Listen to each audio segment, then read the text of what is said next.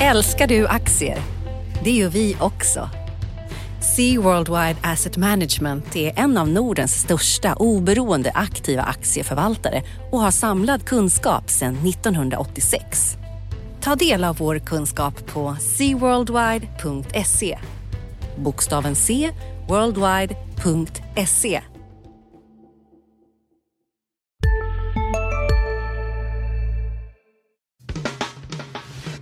Analyspodden från Dagens Industri. Hej allihopa och välkommen till veckans avsnitt av Dagens Industris analyspodd. Eh, Den här veckan är extra händelserik. Vi har haft en alldeles otrolig eh, rapportvecka. 83 procent av, av börsvärdet har rapporterat denna vecka. Så vi har mycket att prata om, Martin. Det har vi. Det har varit ja, en otroligt eh, komprimerad och lyckad rapportvecka får man väl säga. Ja, det är väl liksom om man... Vi ska ju gå, gå närmare in i detaljerna här, men det är väl liksom rubriken att den var ju... Man hade ganska höga förväntningar, men det blev ännu bättre på alla håll egentligen, eller i stort sett alla håll. Mm. Om vi bara ska städa av liksom sånt o, oviktigt som franska val så började veckan med, med en lättnad i franska valet som fick börsen att stiga och eh, då var det inte så många rapporter men sen så har det varit rapporter för hela slanten. Precis.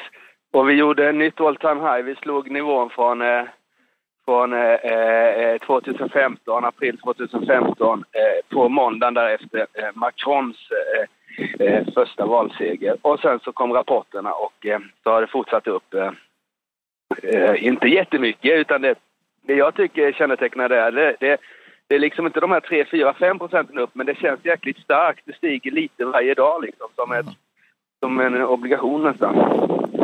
Bra, men om vi ska gå in i, i enskildheter här då. Är det, är det någon rapport som du tycker är, som du har koncentrerat dig på, som du tycker är extra intressant att, att prata om? Ja, men jag tycker, alltså generellt kan man ju säga att det som, mycket har varit bra, men det som sticker ut är verkstadsbolagen. Och bland verkstadsbolagen så sticker det ut att ju mer man är exponerad mot gruvor och anläggning, desto bättre. Det som egentligen har varit precis tvärtom de sista fyra, fem åren. Att, att det har varit kanske inte bra, men det har liksom tuggat på i verkstaden. Men däremot om man har haft gruvverksamhet så har det alltid varit liksom den, eh, det svarta fåret i rapporten. Nu har det varit tvärtom då. Och då är det ju Atlas och Sandvik som har varsin stor gruvdivision som ser då hur kunderna som har eh, slarvat med investeringarna eller hållit igen på investeringarna under, under fyra, fem år. Eh, nu börjar de behöva gasa på lite igen. Metallpriserna har kommit upp och då ska alla beställa samtidigt och då ser vi hur orderna sticker iväg med ungefär 30 procent i de här divisionerna. Eh, Just det. Så de sticker ut och lite på det benet också Volvo som är starkt både på lastbilar men framförallt på anläggningsmaskiner som, som också kickar igång. Så det är gruv och anläggning som, eh, som är eh, klassens stjärna den här gången. Ja, och det gällde faktiskt även SKF som har eh, laggat lite här. Jag pratade med Alrik Danielsson i samband med rapporten kort han var ju väldigt, väldigt optimistisk. Kina och egentligen, och, men det är ju inte, det som sticker ut här är väl att Kina och gruvor har ju varit starkt men USA såg bättre ut, Europa ser bättre ut så det är liksom, det är högkonjunktur, eller på gång att bli högkonjunktur Ja i varenda geografisk världsdel kan man säga. Precis, det är en otrolig bredd i uppgången. Det är ingen som pekar på att två områden går bra och det tredje går jättedåligt och snittet blir okej. Utan det, är, det som är dåligt det är små regioner. Annars är det en ordentligt bred uppgång. Och, och man kan väl säga att om det har eh, eh, tuffat på med, med sådana här beställningar av mindre prylar så, så ser man väl tecken på att det är de lite större utrustningarna som tar fart. Att kunderna vågar investera igen. Och, och det är ju väldigt upplyftande för det är det som måste driva nästa fas i, i det här. Just det, men om man tittar eh, som morgonens rapport här som sticker ut eh, morgon fredag är ju Electrolux och det är ju inget, inget gruvbolag. Tvärtom så har man ju varit lite orolig för att de här prisuppgångarna då som driver på gruvinvesteringarna kommer kosta Electrolux pengar men de slår ju Ja. förväntningarna med 15 procent och redovisar ett ganska rejält Ja, det gör de. vinstlyft. Men Precis som du är inne på så höjer de faktiskt eh, prognosen för hur mycket eh, råvarukostnaderna kommer att slå i år från 900 miljoner till 1,4 miljarder. Men trots det så kompenserar man då med att man har blivit eh, mer effektiva och, och, och trimmat organisationen så att resultatet är klart över förväntan och även där väldigt brett. Latinamerika har varit dåligt innan, där gör man vinst igen. Både USA och eh, eller Nordamerika som affärsområdet heter och Europa idag över 6 procent som är deras rörelsemarginalmål. Eh, så att, också en brett men stabil rapport. Men jag tyckte jag såg någon min- minskad försäljning i, i, i Nordamerika eller någon, Ja, ja men det. precis. Det är ju det är här man ska hålla ögonen öppna tror jag den närmsta tiden. För att i Nordamerika så, så eh, faller deras försäljning med 7 det här kvartalet och ännu mer förra. Trots, eh, trots en marknad som ändå är eh, upp lite grann. Och det har ju att göra med att det är prispress, att, att volymerna går upp kan ju ändå innebära att, att det går ner räknat i pengar om, om priserna går ner.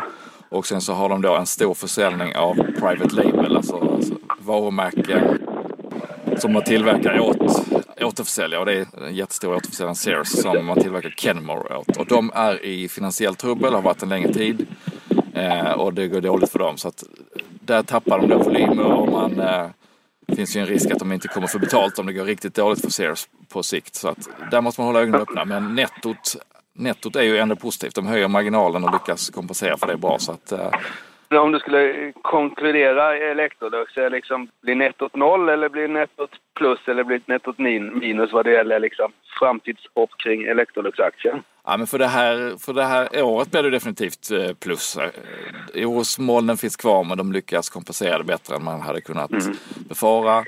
Sen så blir det intressanta 2018 och 2019 att, att man är nu uppe på de volymerna av vitvaror som man sålde innan finanskrisen. Ja. Eh, Och eftersom det finns en ganska tydlig cykel, en ersättningscykel där vitvaror håller i 10-12 år. Sen så byter folk ut dem. Eh, Så att det man sålde på piken innan finanskrisen, det är de maskiner man byter ut nu då.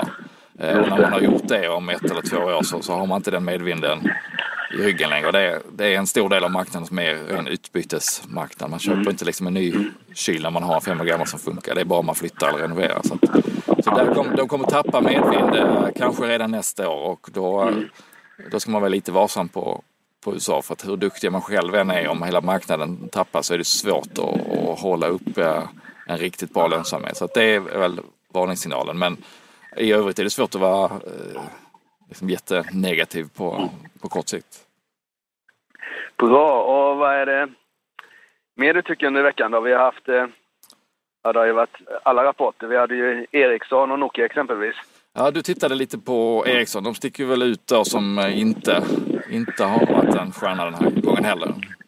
Nej, de, de eh, eh, nej, inte denna gången heller. Eh, och det blir ju extra besvärande då när Nokia faktiskt eh, ser lite ljuset i tunneln. Eh, de höll kvar i sina prognoser, men de pratade ändå om liksom någon slags liten optimism i, slutet av det här året. Men för Ericsson var det ju tuffa tider och en bekymrad Börje Ekholm vi hade i tidningen. Så, Mm.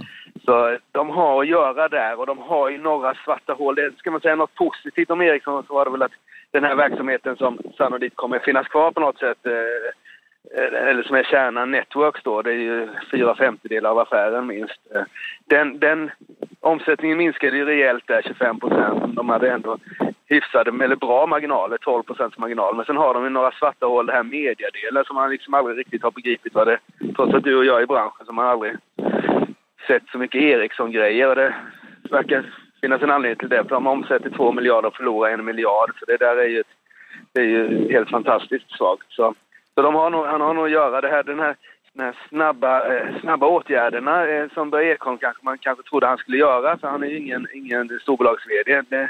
Kanske tar lite tid för honom att fixa det här. Eh, vi får väl se. Så det var ju en besvikelse. Men annars, det är ju så pass, eh, inte litet bolag. Hade det varit för 15 år sedan så hade det satt prägel på hela börsen här, men det gör det ju inte längre. Nej, nu, nu drunknar det i, att de andra är bra. Men, men på medieområdet där, vad säger de själva? Vill de göra sig av med det här eller ska de skala ner det på egen Ja. hand? Eller hur ska de komma ur det? Ja, alltså det, har- det har väl skett en slags förändring då från, från i början av året så hette det att man skulle sälja det där. Nu heter det att man ska hitta en, en partner och det beror ju på att det är nog ingen som vill liksom köpa det där och äga det till 100 procent utan man vill nog försöka göra någon slags samägt ungefär som man gjorde liksom med eh, mobiltelefonerna först. Att man sålde hälften till Sony liksom och den, den där verksamheten den började bli dålig liksom. Och det kanske det är så man får göra med, med, med media också. Men jag vet inte vem som skulle bli någon slags partner där. Det är väl kanske någon amerikan eller något sånt där. Men det, det känns inte liksom... Ja, vi får se. Men jag tror inte det är en, en ren försäljning. Det verkar inte vara på agendan nu utan nu är det mer ett partnerskap på något sätt. Ja, om man ska ta Sony Ericsson som någon guide för framtiden så kan man konstatera att det inte står Ericsson på de telefonerna längre. Så att det, kanske, ja. det kanske är den vägen det kommer gå eh, där också. Och sen har vi haft massor av bankrapporter som eh, jag vet att vår kollega Micke Wilenius har, har gått igenom. Och de var ju också starka tycker jag. Det var ju inga kursrallyn på de där rapporterna men eh, det var ändå väldigt stabila siffror med eh, lägre kreditförlust än väntat och, och räntenettot var ju stabilt och sådär. Så även den sektorn ser ju liksom ser ju bra ut och de adderar mycket kapital och Handelsbanken kanske ska dela ut extra pengar även om det inte var enorma massor så är det ju ändå liksom en, en signal. Mm. Ja, det, och en, en märkeshändelse i verkstaden är ju då att Atlas Copcos VD gjorde sin sista rapport, Ronny Letan, vid, eh, vid, efter åtta år som, som VD så lämnade han över till Mats Ramström. Och det. Eh, det är många som har anledning att vara nöjda med utvecklingen under den tiden. Jag tror det är mm. styvt 300 procents kursuppgång, utdelningarna är oräknat och eh, det i sig är gott. Sen så tror jag att det är ett, ett viktigt arv efter honom är att han har han har ändå satt, inpräntat i organisationen ännu mer än vad det var tidigare, vikten av att man är flexibel och att man aldrig är nöjd utan det går alltid, även om man har en rörelsemarginal på 20 procent så ser man möjlighet att ta upp den till 23 så ska man göra det. Och, eh, så det tror jag är ett viktigt arv och han kommer att lämna som VD, men han, han eh, bedyrade när jag pratade med honom efter rapporten att han skulle vara kvar som aktieägare och förstod inte varför man inte skulle Eh, äga Atlas-aktier och han kommer vara ordförande i ett av de två bolag som, som de delas upp i. Det som blir just just. Så att här, eh, han smiter ju inte, kan ju liksom inte försvinna ner till Belgien och bli osynlig utan om, om det skulle upptäckas en massa dåligheter i Atlas så, så finns han ju kvar och det, det är väl ett, eh, talar väl för att det inte finns så mycket skräp efterlämnat här får man hoppas. Nej, för det kan ju vara lite sådär. Man kan ju liksom fundera på ja, exempelvis SKF som haft några tuffa år och bytte VD. Jansson var ju väldigt populär och liksom hade fått ordning på det där. Men sen gick, började det gå dåligt efter att han, att han lämnade egentligen. Eh. Mm. Och ännu var, större var det väl med Arne Karlsson på ras. Där mm. gick det ju på riktigt dåligt. Så det, där, det kan ha effekt, men som sagt var, det kanske inte man ska bekymra sig så mycket vad det gäller Atlas. Men vad det gäller uppdelningen så är ju Atlas är ju en uppdelning, men den Sista dagarna nu på vårens stora season sale. Passa på att göra sommarfint hemma, både inne och ute. Och fynda till fantastiska priser. Måndagen den 6 maj avslutar vi med Kvällsöppet i 21. Välkommen till Mio. CSRD, ännu en förkortning som väcker känslor hos företagare. Men lugn, våra rådgivare här på PWC har koll på det som din verksamhet berörs av. Från hållbarhetslösningar och nya regelverk till affärsutveckling och ansvarsfulla AI-strategier. Välkommen till PWC. Stora uppdelningen som är en epokgörande händelse är faktiskt eh, SCAs rapport här, där, som var sista, sista rapporten med SCA som vi känner det, så kommer det vara två bolag här eh, nästa gång de rapporterar. Ett Just det, massa redan, sågverk. Redan i sommar som den här uppdelningen... Ja, de har inte satt dagen här, men det kommer i alla fall ske innan det är dags för nästa rapport. Så jag, skulle, jag tyckte jag hörde någon säga mellan skål och vägg i juni här, men det är inte satt något datum än. Men eh, ja, vi får se här och det är den stora frågan. För rapporten var inte, den var väl inget fel på den, men den stora grejen är alla dessa rykten om alla dessa bud som har kommit på de olika delarna och som kanske materialiseras. När det väl blir handel i de bägge aktierna. Så det där är något tror jag för, för, för sommaren att, hålla koll på. Du, en annan eh, stor affär som ju nog tog de flesta på sängen var ju att eh, Kinnevik köpte en stor stek i Comhem. Ja. Det såg man det inte komma va? Nej, den såg man inte komma. Eh, och ja, det var ganska roligt för jag körde ju nu för tiden, det är inte bara poddar vi håller på med, vi gör tv också hela tiden. Eh, och jag satt i sändning, livesändning, när det där dök upp och då hade jag precis innan pratat om Kinneviks rapport som skulle komma några minuter senare. Och det blir inga, inga affärer i den, för de har ju en temporär VD och då kan man inte köpa bolag och så gör de den här affären då i köp 18 procent av Comhem Kinnevik. Och det där är ju jätte... Det är lite svårt att se vad de ska göra men det är väl den här eh, branschglidningen. De har ju både Tele2 och MTG och det kanske går att få ihop på något sätt. Jag vet inte. Det, för de verkar ju de köpte ju faktiskt till premie. Normalt ja. brukar sådana där placings göras till 5% rabatt. Här betalar de 10% premium för att bli huvudägare. Eh, så någonting, någonting ser de ju mer än att de hade överskottskapital utan de, och Ja, jag vet inte. Ja, det är så spännande. Och nästan hela ledningen i Comhem har ju bakgrund på, uh, inom Kinnevikssfären. Så att de känner ju personerna som, som driver det här och har uppenbarligen förtroende för dem. Och vad de ja. Och Comhem har ju köpt uh, Boxer så det finns, det finns väl en, en resa där att göra med att uh, konvertera uh, trötta Boxerkunder till mer, och sälja på dem mer digitala tjänster och bredband och så vidare. Så ja, det finns. Och, det, och jag tycker man kan konstatera att Comhem är ju en aktie och ett bolag som, som många älskar och hatar och, och nästan alla har ju faktiskt haft fel, jag, inklusive jag själv. Jag, jag var pessimistisk när de sattes på börsen och skulle trycka in den här Tivo-boxen som kändes som för 15 år sedan. Den var het på alla sina kunder. Men, men eh, de flesta har ju faktiskt haft eh, fel på aktien där. Så att... Ja, och det, men det, jag tror det kan vara liksom bra för Comhem för som sagt det har varit ägt av riskkapitalbolag med med en massa finansiella skulder och liksom det har varit fokus på eh, ebitda och kassaflöden och nu kanske det blir lite mer industriellt i kom hem här. Att de, det är klart de gjorde som du sa. Så det kan liksom vara en eh, vitaminspruta för kom hem men jag tror att Kinnevik kan inte göra för, för många sådana här affärer för de äger bara 18 procent så det är det liksom 82 procent kvar av aktieägarna. Ska de nu börja liksom dela ut eh, godbitarna till Tele2 och MTG och sånt där, det, det funkar inte så de måste ju hitta på något. De måste liksom köpa upp bolaget eller på något vis. Man kan liksom inte äga 18 procent och tro att man äger 100. Så vi får se vad som händer där egentligen. Det är lite som ekonomen eh, som också har en eh, industriell Mm. Om man nu säger att Kinnevik är en industriell spelare, men det kan man göra eftersom de har så mycket innehav i den där sektorn. Eh, som har en amerikan som gör ungefär samma saker, som inte äger hela bolaget. Och ska de då hitta samordningsfördelar och hur går det till när de bara äger 40 procent? Och sånt där är ju lite ja, det finns ju ett visst minoritets... Mm. Ja, det är en, en, en, spännande liknelse eftersom både ekonomerna och kom hem på något sätt är under ett strukturellt eh, tryck. Ja. Men där någon ändå vill gå in och, och, investera mycket pengar och säga att de kan göra någonting bra av det under ja. en lång period. Jag tror det var ganska, de kände väl också att de ville ta 18 här och istället för att bjuda 150 på hela bolaget så kanske man liksom, nu har de ju stoppat eventuella bud i alla fall eftersom de kan de är över 10 procent. Det fanns väl en anledning också. Ja, och, rätta mig om jag har fel, men de flesta andra ägarna är väl uh, utländska fonder som inte kanske är, uh, som är ganska Nej, optimistiska. De, de, de, de, de, har nog inte koll på, på, på Comhems produkter riktigt, utan det är, det är en finansiell, väldigt finansiella ägare. Bra, är det något mer tycker du som vi eh, bör... Eh, ja, jag tycker att nu, nu nästa steg här tror jag blir att smälta hur, hur man ska tolka de här starka rapporterna. Det, man ska komma ihåg att det har varit, som vi har sagt, väldigt starka rapporter. Men det finns ju också en, en, många stjärnor som har stått rätt i det här kvartalet. Det är påsk, påsken som ligger i Q2 innebär att Precis. det har varit fler arbetsdagar i första kvartalet. Precis. Och i en del bolagsfall så när kunderna börjar få ökad efterfrågan och börjar beställa så beställer de inte bara så mycket som deras egen efterfrågan är utan de måste fylla på sina lager som de har hållit nere.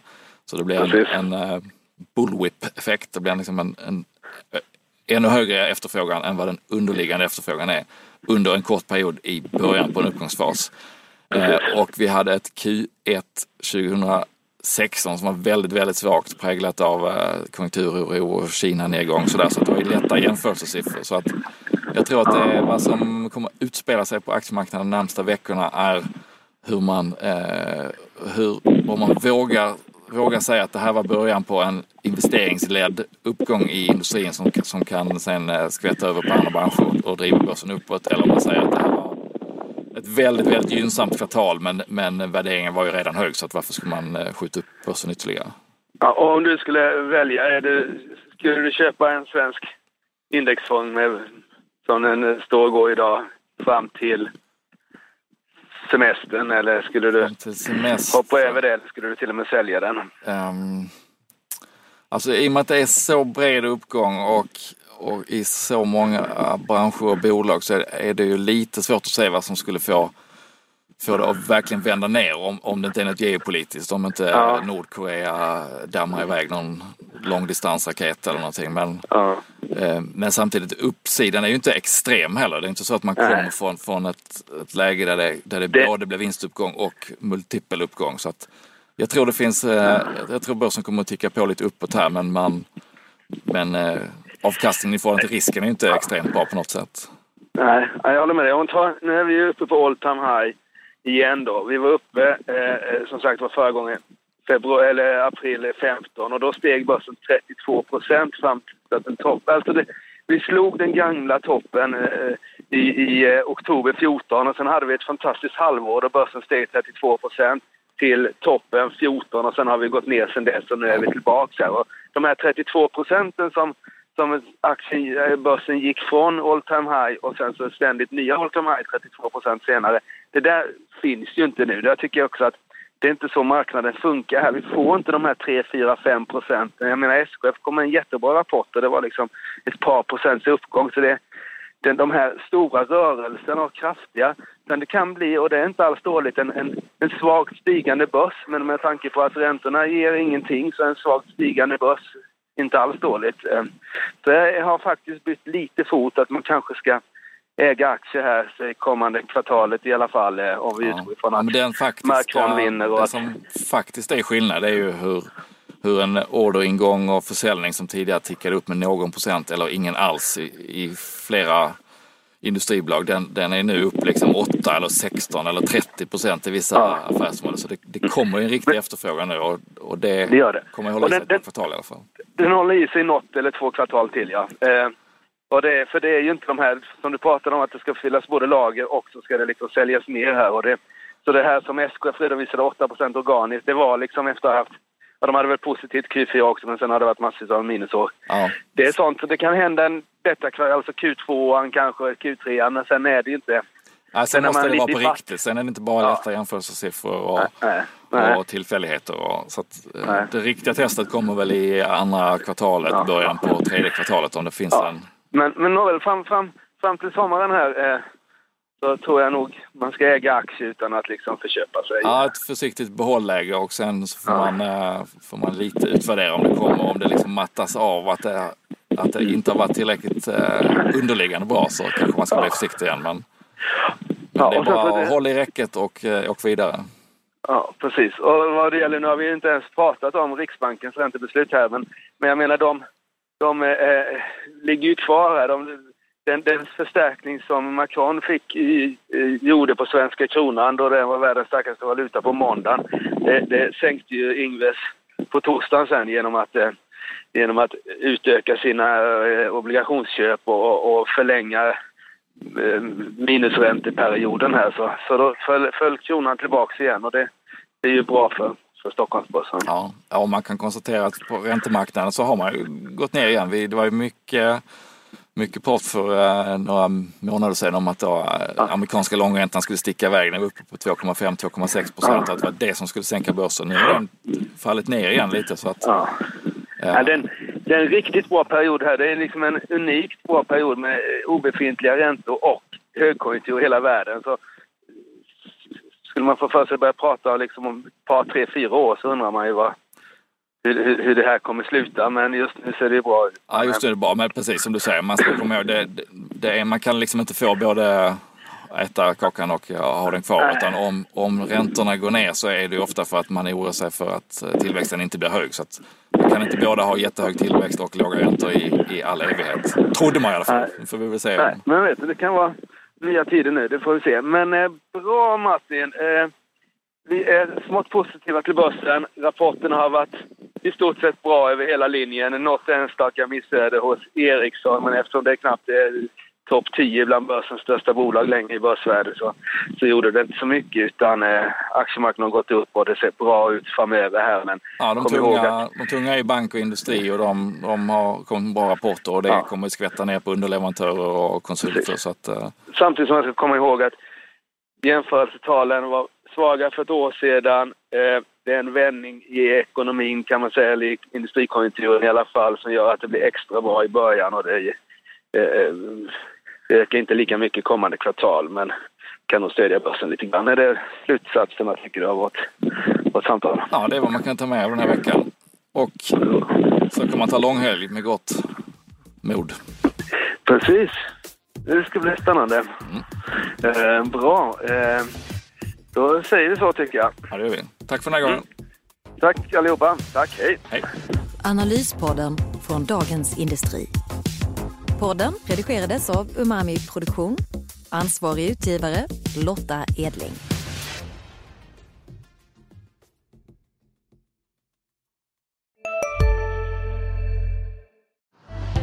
Älskar du aktier? Det gör vi också.